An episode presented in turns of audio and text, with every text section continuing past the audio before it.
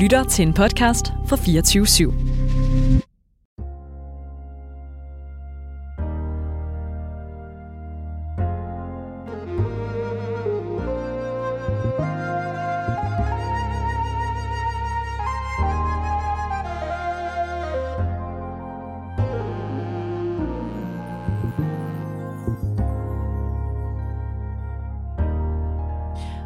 Velkommen til Den Broede Vej, programmet, hvor vi vender karrierevejen på hovedet. Mit navn det er Anna Asgari, og hver uge har jeg en gæst her i studiet, som deler lidt af sin livshistorie med mig. Det er de svære beslutninger, tilfældigheder, fuck-ups, omveje og opture. Ja, alt det, der jo tilsammen bliver en karrieres broede vej. Her i programmet, der kan du møde mange forskellige spændende personer, som alle sammen har det til fælles, at de gør en forskel i verden, og så er de altid værd at lytte til. I dag er min gæst dig, Jane Sandberg. Hej. Hej, og rigtig hjertelig velkommen til. I dag, øh, der skal det jo handle om noget, øh, det skal jo både handle om din vej, men det skal også handle om noget, som er meget lukket for omverdenen på grund af corona for tiden, nemlig øh, kultur og museer og kulturverden. Og det glæder mig rigtig meget til at dykke ned i. Jeg har også glædet mig rigtig meget til at komme. Sådan, Jane. Øhm, inden vi dykker ned i din historie om, hvem, hvem du er, vil du så ikke lige fortælle os, hvad var egentlig din barnedrøm? Altså, hvad drømte du om at være, da du var lille? Jeg tror mest, jeg drømte øh, om at få lov at være mig selv. Øh, forstået på den måde, at øh, jeg var nysgerrig på mange ting. Jeg vidste helt sikkert, hvad jeg ikke skulle være. Jeg skulle nemlig ikke være pædagog eller lærer, fordi det var mine forældre. Og mit hjem var fyldt af øh, alle mulige velmenende pædagoger. Jeg voksede op i 70'erne hvor at øh, børn fik lov til meget og blev inddraget i endnu mere.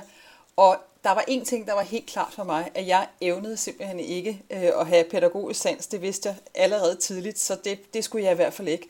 Men øh, med sådan et job som, øh, som at være journalist var noget, jeg synes lød interessant, fordi at så kunne man jo komme ud i verden, og man kunne tale med mange mennesker. Øh, så, så uden at være alt for præcis, for det tror jeg ikke, jeg var, før jeg blev ret gammel, så var det nok i den retning, at min nysgerrighed drev mig. Hvordan kan det være, at du var... Altså nu siger du, okay, du vidste, hvad du ikke skulle være. Altså tror du, at du definerede dig meget sådan i modsætning til noget, eller hvad? Det, det tror jeg faktisk, du, øh, der rammer du plet. Øh, det er jo samtidig nemmest at definere sig selv, når man har et modbillede.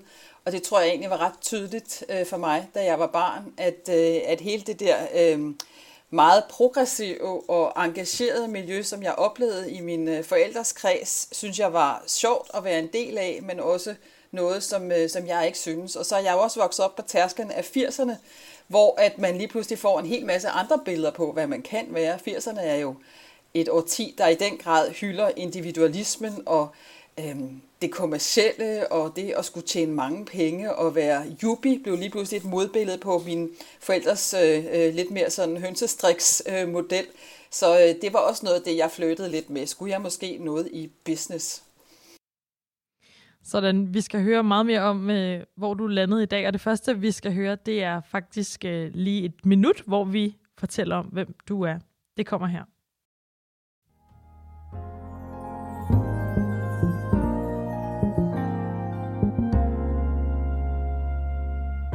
Jane Sandberg er forfatter, klummeskribent og museumsdirektør på Enigma, Museum for Post, Tele og Kommunikation. I 1996 dimitterede Jane fra Københavns Universitet med en kandidatgrad i kunsthistorie. Og sidenhen har hun bygget oven på uddannelsen med en master i journalistik fra Danmarks Journalisthøjskole og en master i kommunikation fra Aarhus Universitet. Igennem sit arbejdsliv har Jane været i berøring med kunst- og kulturverdenen på mange måder – hendes CV rummer blandt andet titler som administrerende direktør for Akademisk Arkitektforening, museumsdirektør på Trapholdt, informationschef for Torvaldsens Museum og udstillingschef hos Kunstforeningen Gammelstrand. Ligesom hun også har siddet og stadig sidder i en række bestyrelser, blandt andet for Trapholm Museum, Ny Carlsbergs Museumslegat og Foreningen Brobyggerne. Desuden er Jane medstifter og tidligere leder af Golden Days, der er en festival, som siden 1993 har haft som ambition at formidle historie, kultur, kunst og viden på en nærværende og tilgængelig måde. Jane Sandberg er født i 1966 i Gentofte.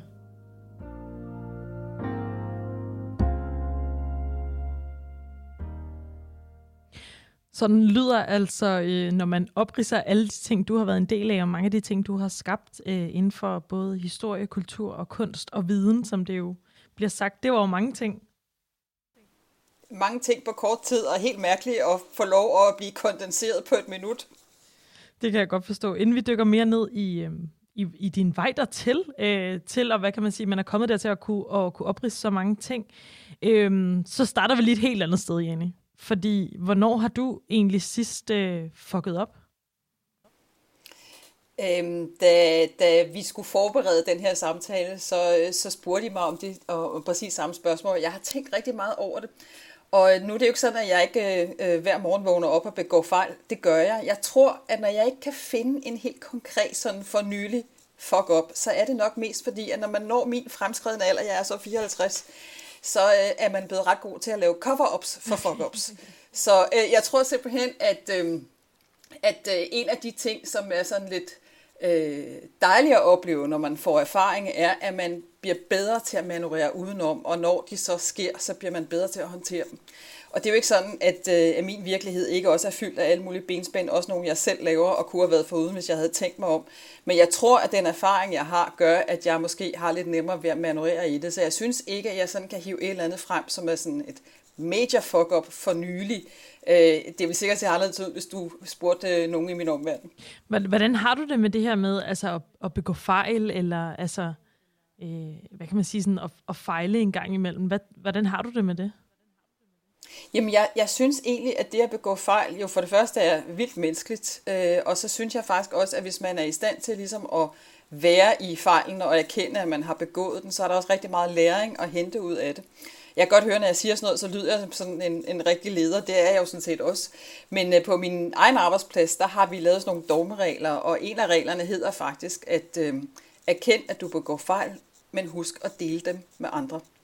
Jeg håber rigtig meget, at, øh, at jeg er i stand til at skabe øh, en arbejdsplads, hvor at de mennesker, jeg arbejder sammen med, godt ved, at jeg ved, at de begår fejl, og jeg begår fejl, men at vi bliver stærkere ved at dele de der fejl med hinanden.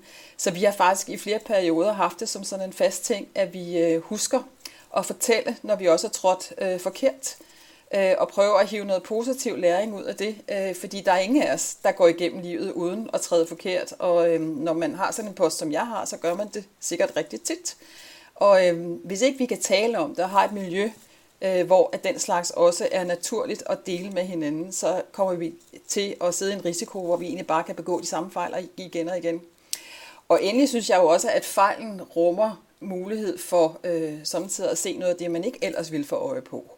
Øhm, det er ikke altid det er sjovt at stå i det, øh, fordi man tit jo, øh, når man begår fejl, måske også kommer til at gøre noget, som støder andre, eller som øh, stiller andre i sådan nogle lidt prekære situationer. Men det vigtigste, tror jeg, er, at man har et tillidsfuldt miljø, hvor man kan få lov at tale om det, og huske at sige undskyld. Mm.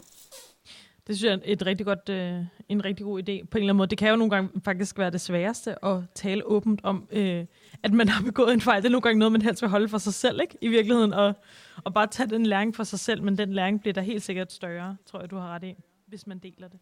Der er jo rigtig meget nulfejlskultur. Jeg oplever det tit blandt øh, yngre kollegaer, som øh, er sådan relativt nye ud af deres uddannelser og måske er i deres første job, og er bange for at komme til at gøre ting forkert, fordi så er man jo ikke en god medarbejder. Og i min optik er man faktisk en meget bedre medarbejder, hvis man øh, Øh, kan se, hvor fejlene øh, er begået, men sådan set også bliver bedre til måske at øh, have det lange lys på og se, hvor de kan opstå, og så manøvrere udenom.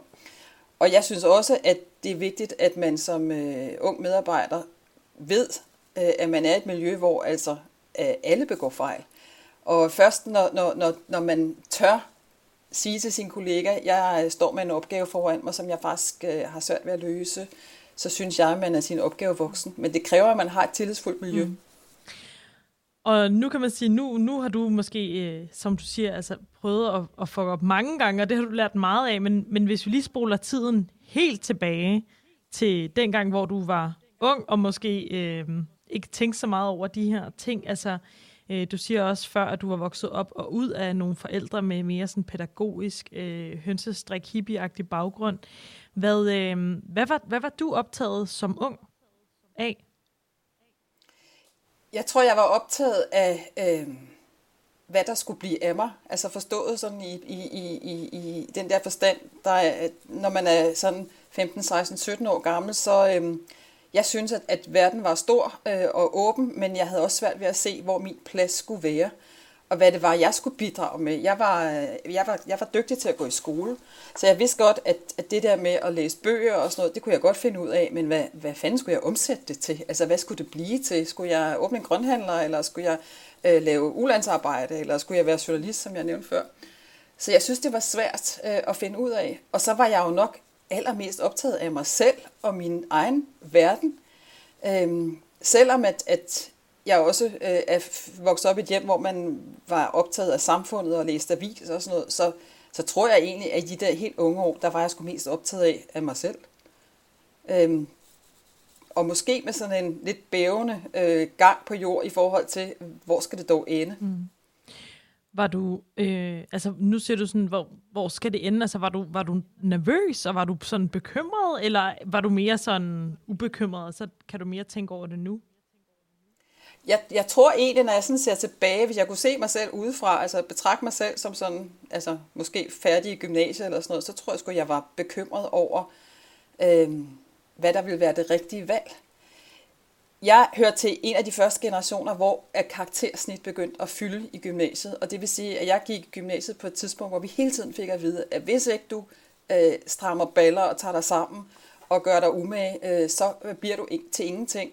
Jeg hører også til en generation, hvor der var rigtig høj ungdomsarbejdsløshed. Og øh, jeg var da i tvivl om, hvad, altså, havde jeg nogle evner, og øh, var der nogen, der kunne bruge mig til noget? Øh, samtidig med, at man jo øh, også brugt rigtig mange kræfter på at se ud, som om man havde styr på det hele. Mm.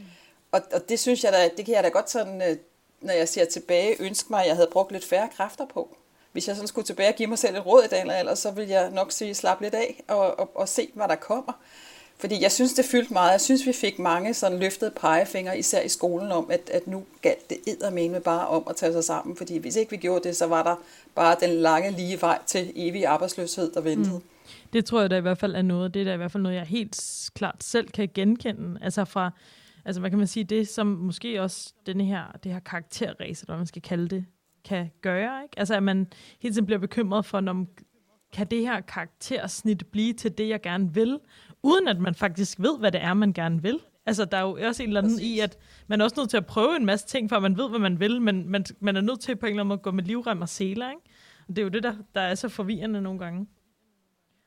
Det er mega forvirrende, og så parret med, at man ikke er særlig gammel, og ikke har en særlig stor erfaringsverden, når man er de der 18-19 år gammel. Altså, hvordan delen skal man vide, om man skal være ingeniør eller man skal være jordmor. Mm. Og du fik jo så en idé, for du søgte jo faktisk ind på Journalisthøjskolen, da du var 17. Og hvad skete det der så? Jeg. jeg søgte ind. Jeg tror måske lige, jeg var blevet 18. Øh, det var i hvert fald i 3.G. Øh, jeg tog til Aarhus og, og øh, til den der øh, famøse optagelsesprøve. Og øh, jeg kan huske, at jeg skrev sådan en meget lang, meget følsom øh, reportage om en fodboldkamp. Jeg havde aldrig været til en fodboldkamp på det tidspunkt, men jeg synes, det var skide godt. Og jeg kan huske, at jeg sad på færgen hjem og tænkte, den er hjemme. Nu skal jeg simpelthen til mm. Aarhus og læse. Og så, øh, så fik jeg brevet, hvor der stod, at jeg faktisk havde point nok til at komme ind. Men fordi jeg var så ung og ikke var færdig med gymnasiet, så ville de øh, sætte mig på sådan en liste. Øh, så hvis der var nogen, der faldt fra, så kunne jeg få lov at komme til. Og så blev jeg simpelthen så helt vildt fornærmet, så jeg aldrig nogensinde ville tilbage til den skole hvilket jo var tåbeligt, men, øh, men altså... Øh, Ja, fordi, at, okay, så det var faktisk ikke, fordi du ikke kom ind. Du kom faktisk ind. Du skulle bare lige vente lidt. Jeg skulle bare lige, altså jeg kom ind med det der, jeg har sikkert sådan været på, på vippen, ikke? og så har de haft sådan en pulje, øh, som, øh, som, hvad det hedder i dag, at man kan få tilsavn om at komme ind året efter. Ikke? Og, og det har vel, vel været lidt sådan, øh, at de behandlede det, og det tror jeg var klogt af dem, men jeg blev rigtig, rigtig sur. Og hvorfor søgte du ikke ind øh, året efter? Jamen, så var, det jo, så var den vej jo lukket for mig. Altså, hvis ikke de kunne se, hvad de smed på gaden, så var det jo lige meget. Og så var jeg jo også kommet videre, fordi jeg gjorde så det, at jeg, øh, jeg tog på Interrail den sommer, jeg var blevet student, og så slog jeg vejen omkring Paris, hvor øh, der boede en øh, dansk modfotograf, der hed Gunnar Larsen, som, øh, som havde sådan et studio der, hvor han lavede de vildeste, kæmpe store modeblade og reportager fra øh, modeshows, og det var sådan meget dramatisk 80'er-agtig sort-hvid foto. Og så gik jeg ind og bankede på døren og spurgte, om ikke øh, jeg kunne blive assistent for ham. Og det sagde han, øh, det, det måtte jeg gerne. Og så tog jeg hjem, og øh, var faktisk blevet optaget på kunsthistorie på det tidspunkt. Øh, og så var jeg en dag på kunsthistorie øh, i København, øh, hvor jeg var blevet optaget. Og da jeg kom ind i det der auditorium, hvor øh, at man skulle starte, så, øh, så sad der sådan en hel sal af gråhårede damer. Og så vendte jeg om og gik. Og så tog jeg til Paris. Og så arbejdede jeg for Gunnar Larsen et halvt år. Og så tog jeg tilbage til Danmark og øh, kom ind igen på kunsthistorie, men denne gang i Aarhus, hvor man havde en mere... Øh, for det første skulle man gå mere i skole, fordi man simpelthen også havde kreativ fag, altså man havde formning, øh, som det hed dengang. Billedkunst ville det vel hedde i dag. Øh, og så startede jeg så året efter øh, i Aarhus på det, der dengang hed bifag. Mm. Altså, hvad var det? Altså, du var en dag på kunsthistorie, og så tænkte du, skal jeg bare ikke det her? Altså, på grund af de mennesker, der faktisk var der, dem kunne du ikke spejle dig i, eller hvad skete der? Jamen, jeg hørte jo ikke til. Øh, og, og så var det også, altså kunsthistorie har jo altid lidt under at have et ry af at være sådan et rigtig luksusfag for øh, damer fra øh, det nordlige Sjælland, som øh, kører ind i deres fine biler, og så, øh, så læser de lidt kunsthistorie on the side.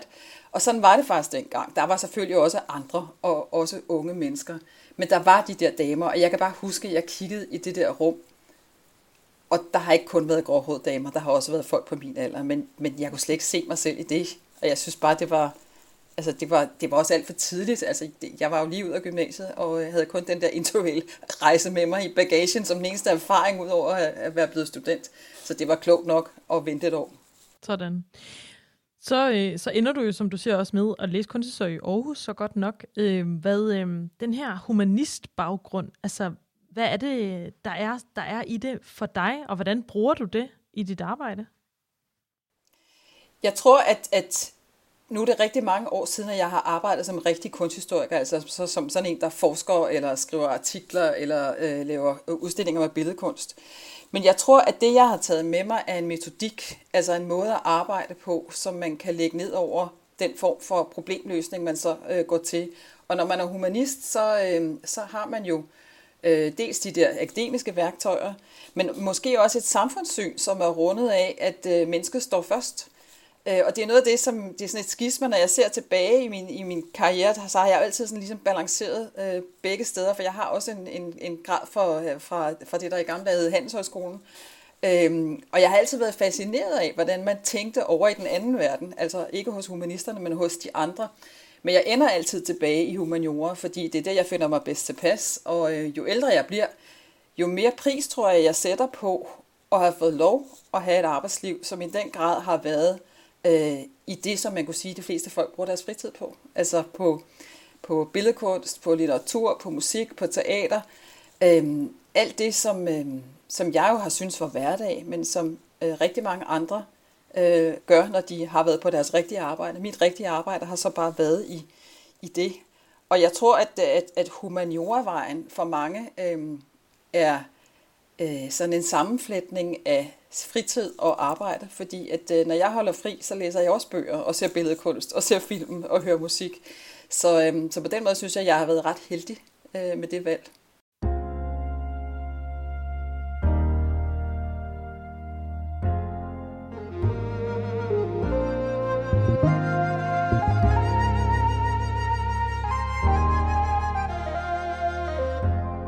Du lytter til Den Brogede Vej, en podcast produceret af Ungdomsbyrået for Loud. Din vært er Anna Askai. Og Jane, her i programmet, der vil vi jo rigtig gerne have, at I tager en lille ting med, som siger noget om jeres vej, eller som siger noget om jer selv. Og det er jo, fordi vi tror på, at, øh, at nogle gange, så er der sådan nogle objekter igennem ens tilværelse, som har haft en eller anden betydning. Og, øh, og du har også taget en lille ting med i dag. Altså som museumsmenneske er jeg jo helt vildt glad for jeres øh, evige tiltro til genstanden, fordi at, øh, det er jo det, vi har på museer, øh, magasiner med 100.000 vis af ting. Og det, jeg har taget med, det er faktisk min mobiltelefon. Og når jeg har taget den med, så er det fordi, at jeg jo i dag arbejder med kommunikation som omdrejningspunkt. Og jeg synes, at mobiltelefonen på mange måder fortæller historien om, hvor hurtigt øh, kommunikationsteknologier har udviklet sig. Når jeg øh, i dag render rundt med min telefon i lommen, ligesom alle andre, så har jeg også stort set alt, hvad jeg skal bruge øh, i min lomme. Men jeg kan jo også huske, da jeg begyndte mit arbejdsliv, øh, hvor totalt moderne vi følte os, da vi havde en telefax. Altså øh, og fax, nogen kan sikkert huske faxemaskine, hvor man ligesom sådan, altså kører et dokument ind, og så sender den det et andet sted jeg tror ikke engang, man sagde scanne dengang, men det, det, det er det, man gør. Man lægger et papir ind, og så bliver det scannet, og så kommer det simpelthen ud via telefonlinjen hos modtageren.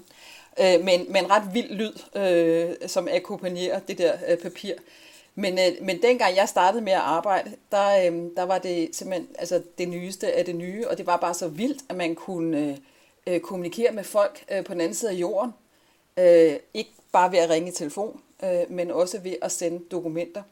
Og på det tidspunkt, da jeg øh, startede med at arbejde, øh, hvor sådan noget øh, fandtes, øh, der øh, arbejdede jeg i Golden Days, i festivalen Golden Days, hvor vi blandt andet lavede en del med Amerika. Og det der med, at øh, ens telefax ringede om natten, og så tikkede der et, et, et papir ind fra nogen, der sad over på den anden side af Atlanten, det synes jeg bare var mega vildt. Og i dag er det jo det mest naturlige, at vi øh, er i stand til at nå hinanden øh, på tværs af tidszoner og øh, styreformer og kultur og sprog osv. Og, og, og derfor synes jeg, at telefonen siger rigtig meget om, hvad det er, øh, det museum, jeg arbejder på, øh, skal belyse. Vi er jo ikke åbnet endnu, men, øh, men det er blandt andet jo alt det, som øh, mobilteknologien øh, har givet os øh, af udfordringer og gaver, at øh, Enigma kommer til at belyse. Så jeg synes, at telefonen er et godt, øh, et godt billede på, hvad det er, jeg bruger min tid på i dag. Det er jo et meget, hvad kan man sige, det, det er på en måde meget dejligt at høre den her mere positive vinkel af denne her slags kommunikation. Der er jo også en, en anden vinkel, ikke, som jo hele tiden, kan man sige, også er oppe til debat. Øh, den, den slagsiden, eller den mere negative side af sociale medier, og at den konstante, øh, at man konstant ligesom skal have, eller i hvert fald er tilgængelig Øh, hvad, hvad tænker du ligesom om det, altså den anden, den anden side af denne her mobiltelefon og vores liv på den måde? Altså, den har, den har mange bagsider, øh, og, øh, og en af dem, som jeg selv synes er mest bekymrende, er, hvad de sociale medier gør for vores demokratiske debat. Øh, det er noget af det, som optager øh, ikke bare mig, men også alt det, vi laver på museet øh, rigtig meget. I dag er det jo sådan, at 60 procent af danskerne ikke længere har lyst til at deltage i den offentlige debat, fordi de synes, at tonen er blevet for hård. Øh, det kan jeg selv skrive under på, for jeg oplever det ofte, øh, at det er øh, blevet voldsomt. Øh, da vi fik Øh, de nye kommunikationsteknologier i slutningen af 90'erne, der omfavnede vi dem jo med den vildeste begejstring, fordi at tænk, hvad vi dog kunne, men vi glemte faktisk at diskutere, hvad vi skulle passe på. Og det, vi skulle passe på, har så foldet sig ud i fuld flor, øh, og jeg nævner bare i flæng, ikke? altså deling af billeder, man ikke vil have delt, udskamning øh, alle mulige steder, øh, og med et fingerknips, øh, så er det alle mennesker, der ved alting om dig, øh, også det grimme.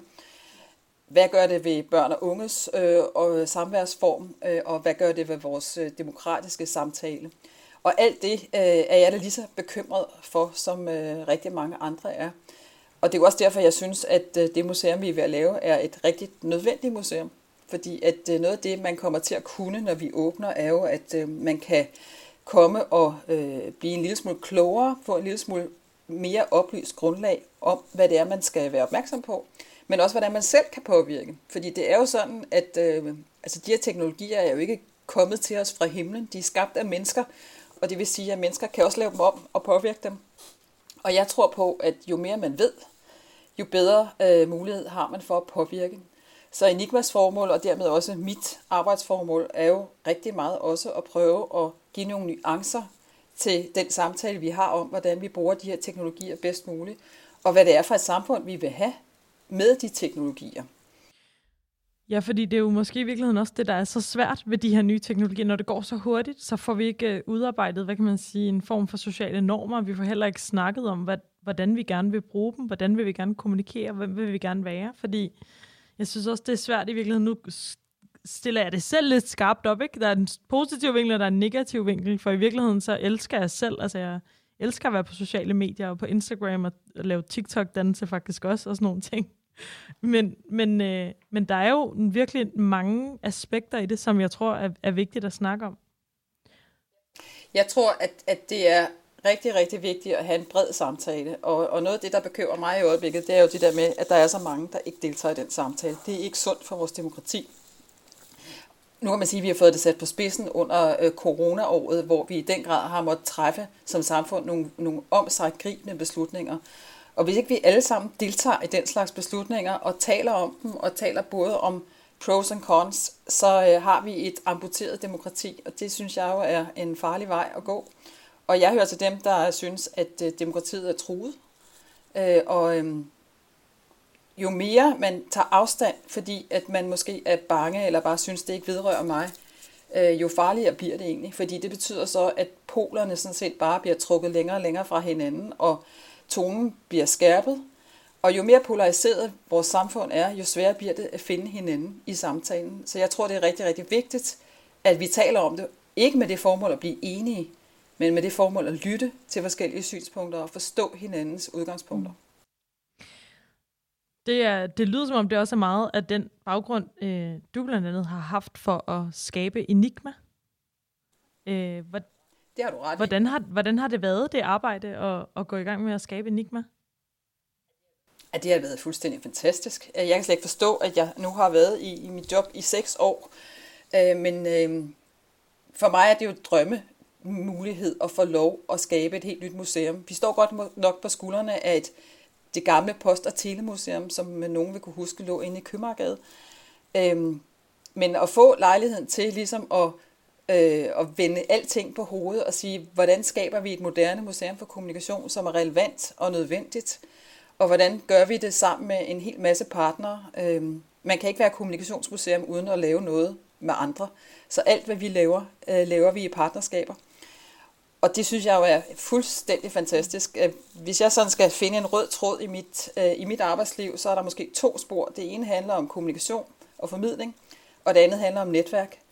Og lige præcis de to ting finder jeg jo hinanden så smukt i det job, jeg har nu, hvor jeg kan få lov til både at være faglig inden for øh, kommunikationsområdet, som jo er mit fagfelt og min interesse, men også få lov at inddrage øh, nogle af alle de vidunderlige mennesker, jeg har fået lov at møde og arbejde sammen med i mit efterhånden lange arbejdsliv. Så jeg synes jo, at jeg sidder på den grønneste gren og får lov øh, at, at lave noget, som øh, jeg slet ikke havde fantasi til at forestille mig fandtes, før vi gik i gang. Mm. Det, det er jo blandt andet et, hvad kan man sige, et vigtigt skridt, øh, du har taget, men hvis du ligesom kigger tilbage på, nu siger du også sådan den her lange karrierevej, hvad har egentlig været et af de vigtigste vendepunkter, hvis der har været nogen for dig? Jeg tror, at det vigtigste, den vigtigste beslutning, jeg har truffet, var at øh, sige farvel og tak, efter jeg et år havde været direktør på Trapholt i Kolding, øh, hvor øh, jeg kom som tidligere, eller før det var jeg direktør på Øregård Museum, som er sådan et lille dejligt museum, der ligger øh, lidt nord for København. Og jeg havde lyst til at lave noget, øh, der lignede, men bare større. Og så øh, fik jeg muligheden for at komme til Kolding og arbejde på det her fantastiske sted, som ligger helt vidunderligt ved Kolding Fjord og med en fin samling og dygtige medarbejdere. Og øh, det så alt sammen rigtigt ud på papiret. Men jeg kunne bare godt mærke på mig selv, at jeg var ved at gå, gå død i museumsarbejdet. Jeg synes, jeg havde været i den branche i mange år. Og det var simpelthen øh, helt rigtigt at vælge at sige, nu skal jeg prøve noget andet. Så jeg sagde farvel og tak efter et år, hvor det var lykkedes at få fordoblet besøgstallet og få skabt en fornuftig økonomi, så jeg synes godt, jeg kunne være bekendt og smutte igen. Øh, men sagde jo så ja til at gøre noget helt andet, nemlig at blive administrerende direktør i Arkitektforeningen, som er øh, en brancheforening for arkitekter i Danmark, øh, som arbejder for øh, arkitekters og arkitekturens øh, ved og vel. Og det er jo langt mere politisk arbejde øh, end det, som jeg havde lavet på museet. Og det var, tror jeg, et vigtigt valg for mig at træffe. Ikke så meget fordi, at jeg skulle blive i arkitektverdenen, for det skulle jeg ikke. Men fordi jeg fik en afstand til øh, museumsverdenen, som jo har det med, hvis man er i den samme branche altid, så øh, er det lidt svært at løfte blikket. Og det gjorde, at jeg fik mulighed for at træde et skridt tilbage og ligesom se tilbage på, på den verden, jeg havde været en del af i mange år, og måske også få nogle lidt andre perspektiver, som jeg så øh, heldigvis fik lov at bruge, da jeg øh, vendte tilbage. Hvordan, hvordan ved man, at man, at man ikke er det rigtige sted? Altså man kan sige, nu er det jo ikke, det er nok ikke alle, der lige får lov til at være direktør for et Trapholm-museum i Kolding, men, men man kan sige sådan, du har alligevel på en eller anden måde kunne, kunne mærke et eller andet, der har været galt. Altså hvordan, hvordan ved man, når man har truffet en beslutning, som ikke passer til en? Jeg tror, at noget af det, som, øh, som kommer med årene, det er intuition. At man bliver mere og mere øh, tillidsfuld over for sin egen intuition. Og jeg synes, at jo ældre jeg er blevet, jo bedre jeg er blevet til at mærke efter. Øh, det er lidt ligesom det der med, at hvis man står over for et eller andet valg, så ved man egentlig godt inderst inden, hvad, der, hvad det rigtige er. Men så, bliver man, så er der alle mulige ting, der forvirrer, og så er der måske nogen, der smiger en lidt, eller foreslår et eller andet andet, og så, øhm, så går man den vej. Og jeg tror, at man skal være rigtig god til at følge sin intuition. Jeg kan mærke det, og det lyder åndssvagt og sådan lidt øh, øh, sådan føle-føle, men, men jeg kan faktisk mærke rigtig ofte, om de beslutninger, jeg er på vej til at træffe, er rigtige. Oftest er det også sådan, at den indskydelse, man har først, er den rigtigste. Så øh, er det fornuftigt at tage paletten rundt og se problematikken fra forskellige vinkler, men øh, jeg har prøvet en gang at være i, situ- i en situation arbejdsmæssigt, hvor min intuition blev slået ud af kurs. Det er simpelthen det mest skræmmende, jeg nogensinde har prøvet. Og den der mavefornemmelse, den forsvandt. Så jeg kunne ikke længere øh, læne mig op af, øh, hvad jeg godt vidste var rigtigt, for jeg vidste ikke længere. Hvad var det, der skete? Hvad var det, der gjorde, at den blev slået ud af kurs? Eller? Jeg havde en chef, som, øh, som var usikker på strategien. Og det betød, at øh, når man har en chef, så skal man være lojal, og det er jeg også. Og det betød, at jeg skulle følge vedkommende øh, i nogle beslutninger, som jeg godt sådan kunne fornemme på mig selv ikke var rigtige. Det viste sig efterfølgende også, at, at, at det var de ikke. Men øh, jeg havde ikke mulighed for at sige fra. Øh, jeg, jeg blev nødt til ligesom at stå last og bræst. Og, øh, og det kostede faktisk ret lang tid, før at den der mavefornemmelse ligesom fandt vej igen, og jeg turde stole på den. Og, og det, det, det må svare til, hvis man øh, kommer til et land, hvor man ikke kan sproget, og øh, skal begå sig alligevel, og ikke rigtig ved, hvordan man øh, skal bede om en kop kaffe, eller spørge vej. Øh, og sådan, altså, hvis ikke man kan spørge sig selv om vej i sit arbejdsliv, så, øh, så har man big trouble. Og det, det, det har jeg oplevet den ene gang. Jeg ønsker ikke at opleve det nogensinde igen. Det, øh, det er vigtigt at kunne følge sin intuition. Det tror jeg, det tror jeg virkelig, du har ret i. Mm. Nu skal vi til noget helt andet. For Jane, du øh, har også fået lov til at ønske et lille musiknummer. Ja, jeg har. Det er så dejligt. Øh, jeg har bedt om at få lov at høre Michael Kiwanuka med et nummer, der hedder Home Again. Og det har jeg, fordi at jeg for det første har været så heldig at opleve ham. Øh, fordi at øh, jeg har børn, som øh, introducerer mig til musik, jeg ikke ellers selv ville finde. Og jeg fik faktisk en fødselsgave, en koncertoplevelse med Michael Kiwanuka øh, med min søn, øh, som jeg var meget, meget glad for. Og jeg er vendt tilbage til det nummer rigtig mange gange. Det handler om måske lidt det, vi i virkeligheden lige har snakket om, blive slået ud af kurs, og så finde, finde vej tilbage. Øh, og øh, det er ikke altid, at nummeret gør mig i godt humør, men øh, det, det er et nummer, som bliver ved med at følge mig, og derfor synes jeg, at vi skal høre det i dag. Her kommer i hvert fald øh, Michael Kiwanuka med øh, Home Again.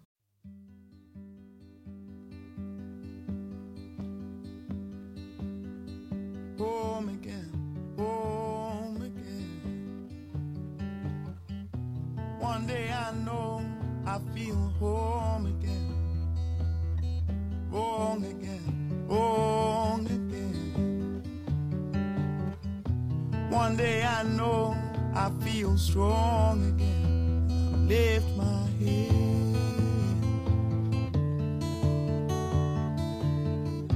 Many times I've been told all this talk will make you old. So I'll close my eyes, look behind, moving on, moving on. So I'll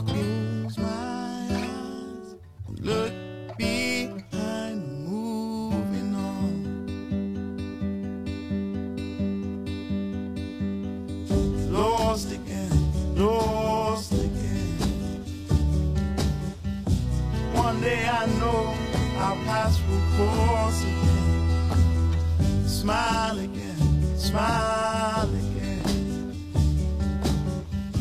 One day I hope to make you smile again. I won't hide.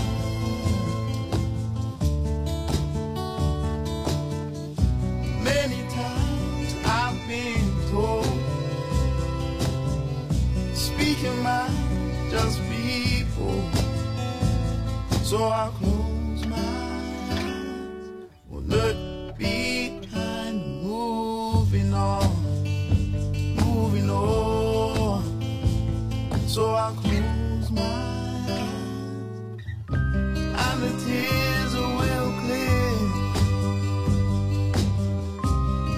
feel no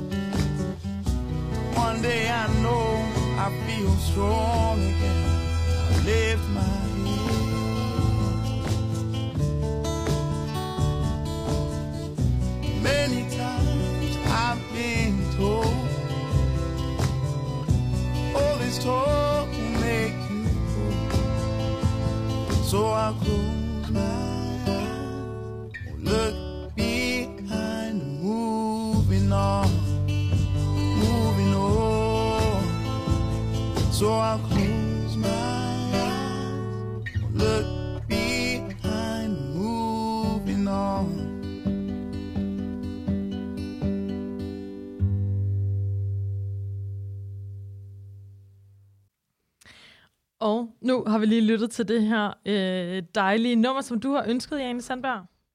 Det har vi.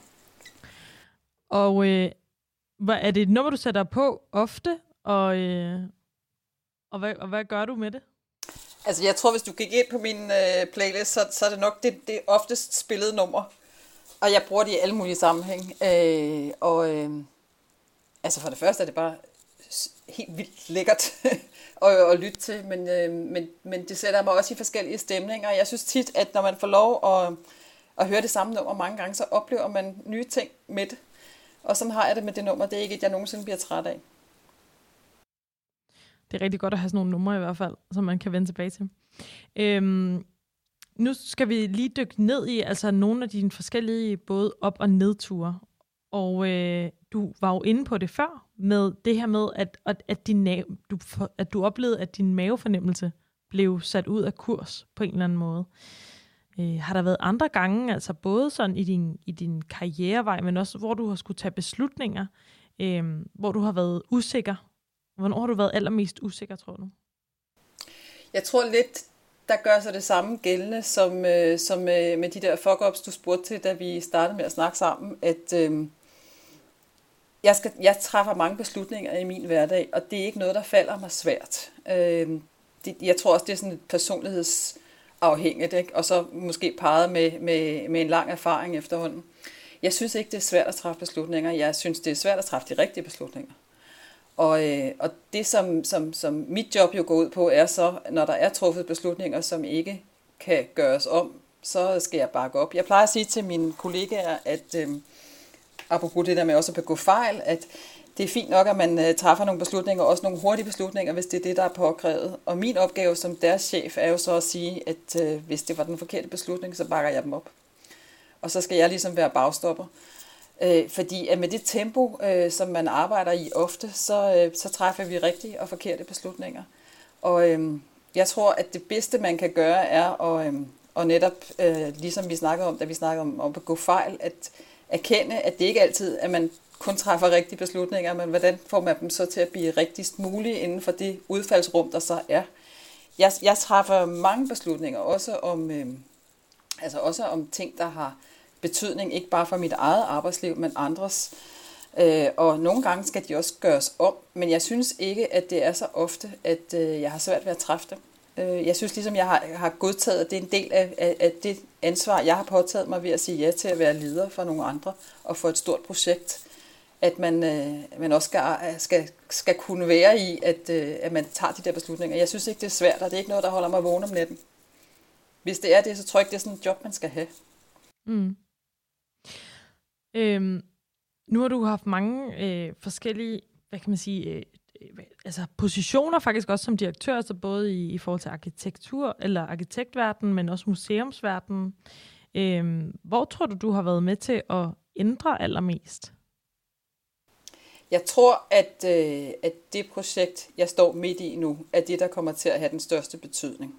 Man skal aldrig nogensinde bilde sig ind, at selvom man sidder øh, øverst på lavkagen, som man jo gør i den position, jeg har, at man, er, øh, at man ikke er til at erstatte, eller der ikke kommer nogen andre, der gør det bedre. Øh, de gør det bare på andre måder. Jeg har gjort det til en regel, fordi jeg har skiftet job ofte, ikke at vende mig om.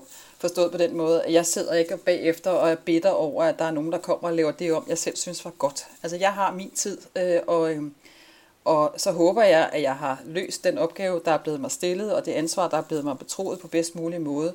Men at sidde bagefter og blive sådan småsug over, at øh, gud, den der afdeling, som jeg selv synes var enormt velfungerende, den har de ikke længere, eller hvorfor gør de ikke? Fordi der lå der en, der lå der en, øh, en plan for, hvordan det her skulle gøres, eller en strategi for det her, og nu gør de noget andet. Det, det bliver man kun sur og gammel af, og det, altså, jeg skal nok blive sur og gammel alligevel, så, øh, så, så det, det, det synes jeg ikke, man skal bruge så mange kræfter på. Jeg tror, det vigtigste er, at Øh, hvis, man, hvis jeg sådan skulle karakterisere min egen personlighed, så tror jeg, noget af det, der, der, der kendetegner mig, er, at jeg hele tiden ser fremad. Øh, jeg er ikke særlig sentimentalt anlagt, og det betyder, at jeg ikke, sådan, jeg er ikke så forelsket i det, jeg har lavet. Øh, jeg er måske mere optaget af, hvad der kommer.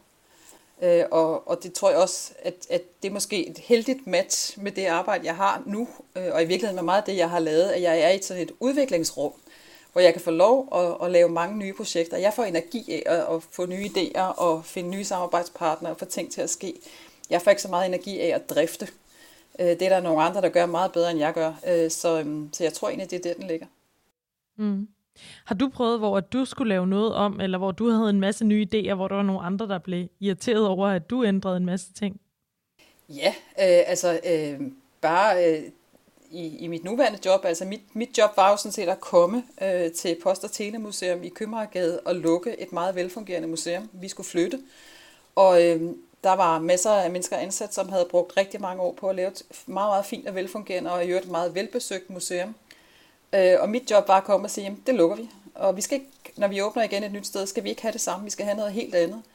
Og det er jo også sin sag at ligesom sige til, øh, til folk, alt det I har lavet, alt det jeres hjerter har banket for, alle de aftener I har været væk fra jeres familie og alt muligt andet, det havde sin tid, og nu skal vi noget andet. Øhm, den forandring tror jeg bliver den største. Jeg bilder mig ikke ind, at jeg har lavet særlig mange sådan blivende forandringer i, i de jobs, jeg har været i. Jeg håber, at jeg har påvirket øh, nogle mennesker og deres arbejdsliv i positiv retning. Og hvis jeg bare... Øh, kommer til at kunne se tilbage på øh, øh, at have haft nogle kollegaer, som synes, jeg har været nogenlunde okay at være sammen med, og de har fået nogle muligheder for at folde sig selv ud, så er jeg egentlig glad og tilfreds. Mm. Nu, øh, nu, nu siger du jo også det her med, altså Enigma-museet, det er jo ikke åbent øh, lige nu. Og øh, hvordan er det at arbejde med kultur og museer lige nu? Altså, det, vi er i et nedlukket land, det er covid-19, vi ved ikke, hvad der kommer til at ske. Altså på Hvordan Enigma, holder man modet oppe? På Enigma er det, altså man skal ikke have så ondt af os, som man skal have af alle mulige andre, fordi vi jo er i en ombygningsproces, og ikke har haft åbent før corona. Altså vi, vi stod ikke i en situation, hvor vi skulle smække døren i og sige til gæsterne, øh, vi lukker øh, fra den ene dag til den anden, fordi vi var lukket i forvejen. Så det er en helt anden situation, men jeg kan da se på nogle af mine gode kollegaer rundt omkring, hvor, øh, altså hvor, hvor, hvor, hvor, hvor mange vækster det trækker på organisationer. Øh, de er jo sådan set klar til at tage imod, og hvis jeg, jeg, jeg hører til dem, der ikke fatter, hvorfor at kulturlivet ikke er noget af det første, der får lov at åbne, især måske museerne, fordi vi har jo sikkerhedsuddannet øh, personale, som er de vagter, øh, I kender, når I går på museum, øh, de kan sagtens håndtere også og skulle sørge for, at folk spritter af og holder afstand. Så måske museerne vil være noget af det allermest coronasikre og åbne, og sikke en glæde, det kunne sprede, hvis vi kunne få lov at, at opleve en lille smule kultur. Folk længes jo efter det. Og øhm, på den måde, så, øh, så synes jeg jo, det er vanvittigt, øh, og det er nogle vanvittige vilkår. Og jeg er også meget bekymret for, hvad der sker øh, fremadrettet i forhold til manglende turister. Og øh, især i hovedstaden øh, er der øh, store kulturinstitutioner, som plejer at få det meste af deres indtægt fra folk, der kommer fra udlandet. Og vi ser jo ind i en helt forandret måde at rejse på, hvis vi overhovedet kommer til at rejse, i hvert fald i år. Og det bekymrer mig da helt vildt. Men det bekymrer mig også, at vi i det forgangne coronaår jo har kunnet notere, at vi på den ene side har en hel masse mennesker, altså os, befolkningen, som savner kulturen, og som synger sammen, og som går online til alle mulige aktiviteter, fordi vi simpelthen trænger til den trøst og til det perspektiv, der ligger i kunsten og kulturens verden. Og så på den anden side har nogle politikere, som øh, rangerer det så lavt. Det synes jeg er øh, forstemmende. Altså, jeg tror i hvert fald, jeg tænker ofte over, hvad, hvad er det, der egentlig skal ske med kulturlivet? Og kulturlivet, det er jo virkelig meget. Altså, øh, øh, altså en ting er museer, noget andet er koncerter, og øh, jeg hører selv rigtig meget musik og går rigtig meget til fest på klubber og sådan nogle ting. Altså, og, og kan vide, hvornår vi kommer ud på den anden side. Og det er jo sådan nogle gange med sådan nogle her kriser, øh, at så bliver det lukket ned, og så kan det være, der ligesom opstår nye ting. Hvordan, hvad, altså, hvordan ser du ligesom udgangen, når vi kommer om på den anden side? Er der, er der, tror du, der er meget, der vil dø? Altså en masse kultur, der vil dø, eller tror du, der kommer en masse nyt? Jeg tror, vi, jeg tror, vi får et forandret kulturforbrug. Jeg tror simpelthen, der er flere, der kommer til at bruge kultur på nye måder. Noget af det, der er fedt ved at arbejde i kulturverdenen, er, at det er kreative mennesker, øh, som kan finde ud af at være i et innovativt rum. Og øh, det så vi jo lynhurtigt, altså med Copenhagen Docs Filmfestival som det første eksempel på nogen, der meget, meget hurtigt omlagde fra at være fysiske til at være digitale. Vi kommer til, til at se meget mere af den slags produktudvikling, øh, hvis man nu skulle blive i de kommersielle termer. Men jeg tror også, at der vil være en forsigtighed, sikkert klogeligt, øh, blandt rigtig mange af dem, der før har stået tæt og svedt op og ned af hinanden. Øh, fordi at vi simpelthen, altså vi skældene er faldet lidt fra vores øjne. Ikke? Vi har, altså hvem skulle have troet, at vi skulle opleve sådan en 100-års hændelse, som en pandemi jo er. Øh, og, og det er jo ikke noget, vi bare ryster af os. Det er jo ikke fordi, at bare fordi vi bliver vaccineret, at så glemmer vi, at der var corona. Jeg tror at vi kommer til at tænke meget mere over, øh, hvad det næste bliver. Altså, hvad er det næste, som udfordrer vores øh, samværsformer? Og jeg tror, at den der tæthed, som vi har omgået med før, især når du beskriver klublivet, eller øh, koncerter, eller teatersale øh, osv., jeg tror simpelthen, at øh, det kommer til at betyde noget. Jeg tænker også på ældre medborgere, som måske øh, med god grund er bekymret for at være tæt på andre. Og jeg synes jo, det er altså trist, jeg savner jo, øh, ligesom alle jer andre også, at være tæt på folk og have de der oplevelser sammen. Men den gode nyhed er, at hvis der er nogen, der kan håndtere og lave nye formater, så er det kulturens verden. Så der skal nok komme masser af kultur, øh, men det bliver på andre måder. Og nogle af dem, jeg er allermest bekymret for, det er sådan set de udøvende kunstnere, som, øh, som jo har nogle økonomier, som ikke ligner almindelige lønmodtagere, og som ikke har været omfattet i hvert fald hurtigt nok af øh, statslige hjælpepakker. Og jeg er vildt bekymret for øh, mange af dem, som øh, vi andre bare er lykkelige over findes. Fordi hvad fanden skal de leve af? Ja, så du siger faktisk også, at der, der er virkelig en gruppe altså, af, af kulturpersonligheder og udøvende kunstnere, som, som altså, på en eller anden måde står og nærmest øh, ikke rigtig har noget, øh, de kan gøre lige nu. Ja, og de, altså, jeg har jo øh, altså, set eksempel på eksempel. Der er også folk, der skriver til mig og fortæller om deres øh, vilkår, øh, fordi jeg har rejst der nogle gange i offentlig debat, og, og det er jo folk, der sidder og har en årsindkomst på under 100.000 kroner. Det er, altså, jeg var i kontakt med en musiker fra et meget kendt orkester, som nu lever af at lave musikundervisning for børn, og ikke fordi der er noget galt med det, men øh, det var nok ikke det, han havde drømt om. Og det, øh, det, det siger jo noget om overlevelsestrangen, øh, og, og, men også om, hvor, øh, hvor, hård, hvor hård en verden det er. Jeg håber måske lidt, hvis der skal komme noget godt ud af det, at en bredere del af befolkningen har fået øjnene op for, et, hvor vigtigt det er, at vi har udøvende kunstnere, og to, hvor vigtigt det er, at vi har et samfund, som understøtter, at de findes. Mm. Det er jo også, altså, det er jo, det er jo øh, ret vigtigt at tale øh, den sag i virkeligheden, og det gør du jo også, som du også siger, i, i den offentlige debat. Men øh, i alt dit arbejde, alt det du har lavet, hvis du kigger tilbage på det, altså hvornår har du været allermest stolt af noget, du har gjort? Åh, oh, øh, jeg er allermest stolt, når, øh, når vi for eksempel åbner en udstilling, eller når vi øh, får øh, skabt et samarbejde med nogen, som kommer og siger, hvor var det dog dejligt, vi lavede det her, vi havde aldrig kunnet gøre det selv. Så synes jeg jo, det er fantastisk. Jeg var også stolt, da jeg øh, udgav min seneste bog, som handler om øh, fællesskaber i Danmark, øh, hvor jeg har kigget på 200 forskellige fællesskaber i frivillig Danmark. Altså alle dem, der laver, øh, der, altså, der, der får samfundet til at hænge sammen, fordi de øh, ikke kan lade være, fordi de går ned i fodboldklubben og træner vores andres unger, eller laver lektielæsning med børn, der ikke har hjem, hvor den slags er en mulighed eller Vinterbadeklubben på Ærø, som øh, samler øh, folk, der måske ikke har så mange sociale relationer hver morgen til en kop kaffe og et havbad. Og øh, jeg var stolt af at få fortalt deres historie. Jeg synes, det var fantastisk øh, at få dokumenteret, at vi har et samfund, hvor folks hænder ikke kan lade være med at gribe hinanden. Mm. Jeg tror, jeg tror virkelig også, det fællesskab, det kommer i hvert fald også til at være afgørende, når vi skal ud på den anden side af den her pandemi. Det, øh, det, er jo, det er jo en vigtig ting at have gjort. Og, øhm, og hvis vi lige sådan også ligesom skal, skal kigge tilbage? Er der egentlig noget, som, som du fortryder, du ikke har gjort? Altså, øh, du søgte jo for eksempel ikke ind igen på Journalisthøjskolen. Øhm, er der noget, du fortryder, du ikke har gjort? Øhm, jeg kom tilbage på Journalisthøjskolen, øh, men, men i, sådan en, øh, i sådan en kortere version. Øh, og jeg var rigtig glad for, at jeg fik tilegnet mig det. Øh, altså indblik i journalistisk håndværk, det bruger jeg faktisk rigtig meget i min, øh, i min arbejdsliv i dag, så det har jeg været glad for. Hvad jeg ikke har gjort, ja, jeg har været ked af, at jeg ikke har arbejdet i udlandet. Det kunne jeg godt øh, have tænkt mig i dag. Når jeg ser øh, folk fra din generation øh, se på deres studieliv som øh, og, og det at tage et semester eller to ud som det mest naturlige, så tænker jeg, hvad er det fedt, I gør det. Og øh, hvor ville jeg ønske, at jeg havde gjort det.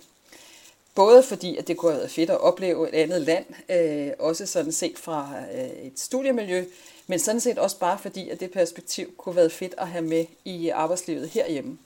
Så det, det, det er måske noget af det, som, øh, som jeg ville have gjort om, hvis jeg kunne. Hvad, hvad, øh, hvad, hvad tror du, det er ligesom, hvad er det, det kan give, eller hvad, øh, hvad ville det have givet dig at være i udlandet?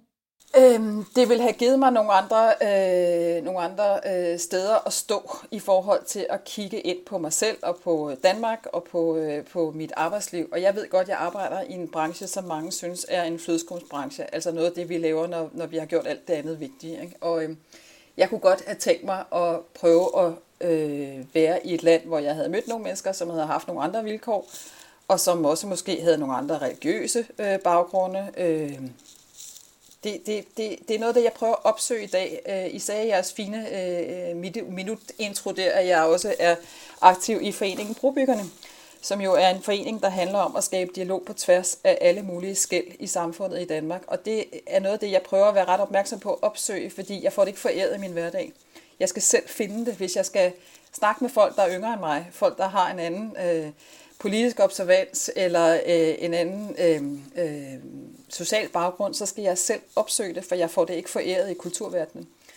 Så derfor så øh, ville sådan et udenlandsophold have været med til måske at tune mig tidligere i livet på, at det var vigtigt øh, at have den slags relationer. Mm. Her, øh, simpelthen inden, inden vi slutter af, så øh, plejer vi jo altid, at, altså der er jo masser af gode råd at hente fra dig, det må man sige. Men hvis nu du skulle give et godt råd, øh, måske også til unge, som, som gerne vil arbejde med kultur og kulturlivet, hvad skulle dit, øh, dit råd så være? Gør det kun, hvis du ikke kan levere. Kulturlivet er ikke, man er ikke lønførende, øh, man får øh, sjældent faste jobs, øh, det vil sige, at man hopper fra tue til tue, og det gør man faktisk i rigtig mange år. Der er også øh, masser af rigtig kedelige eksempler på, at folk arbejder gratis for at få øh, en, et, et ben i døren. Så, så hvis man skal arbejde i kulturverdenen, så skal det være fordi, at man simpelthen ikke kan komme på noget, man hellere vil. Og så skal man være meget klog, klar på, hvad, øh, hvad det er, man vil øh, kunne bidrage med. Jeg har mange unge, heldigvis, der henvender sig og spørger til, om jeg ikke kan give dem et råd i forhold til netop at komme ind og arbejde, for eksempel i museumsverdenen. Og jeg gør det tit og gerne. Men jeg synes også ofte, at jeg bliver mødt af sådan en øh, benovelse over, ej, hvor må det være spændende. Det er det også. Men det er også alt muligt andet. Det er også hårdt arbejde, og øhm, jeg kan huske, at jeg engang havde en, en studerende øh, med, øh, som, som var i praktik, som gik med, med mig rundt en hel dag på en udstilling. Øh, vi skulle åbne dagen efter, øh, og hun skulle sådan ligesom være min øh, assistent. Og øh, hele den dag brugte jeg på at pusse montre med sådan en Ajax-spray og øh, klude. Og da vi så var færdige, så, øh, så siger hun til mig, hvilke museologiske overvejelser har du gjort dig i dag? Og mit svar var bare, ikke nogen. Og så nogle dage har jeg flest dage. Jeg har flest dage, der bare er praktiske, som handler om at, øhm, at få tingene til at spille, og sørge for, at vi har penge i kassen, og sørge for, at, øh, at, at huset fungerer. Og så en gang imellem kan man være heldig at komme ind i de der maskinrum, men man skal ikke gå rundt og drømme om at arbejde i kulturverdenen, fordi man hele tiden skal sidde og pille i kunst og kultur. Det kommer man ikke til. Der er så meget praktik, før man kommer derind. Det handler også om det hårde arbejde, før det virkelig kan blive sjovt det hårde og det kedelige arbejde. Mm. Det synes jeg er et godt råd at tage med herfra. Det bliver simpelthen det sidste, vi nåede. Jane, tusind, tusind tak, øh, fordi du ville dele dine overvejelser og din fortælling om, hvem du er og hvad du har øh, været igennem. Og tusind tak, fordi jeg måtte komme. Det har i hvert fald været en fornøjelse. For nu er vi øh, nemlig nået til vejs ende af denne her udgave af Den Brogede Vej. Programmet det er som altid produceret af Ungdomsbureauet, og det er optaget her på Nørrebro. Vi har hørt musik af Michael Kiwanuka, Home Again, og vores gæst, som har taget os med igennem både museumsverden, mavefornemmelser og det, at hårdt arbejde kan få tingene til at ske, det var Jane Sandberg. Tusind tak til dig. Velbekomme. Og tak til dig, kære lytter. Husk nu, at den lige vej, den er ligegyldig. Det er jo den brogede vej, der er bedst. Vi høres ved.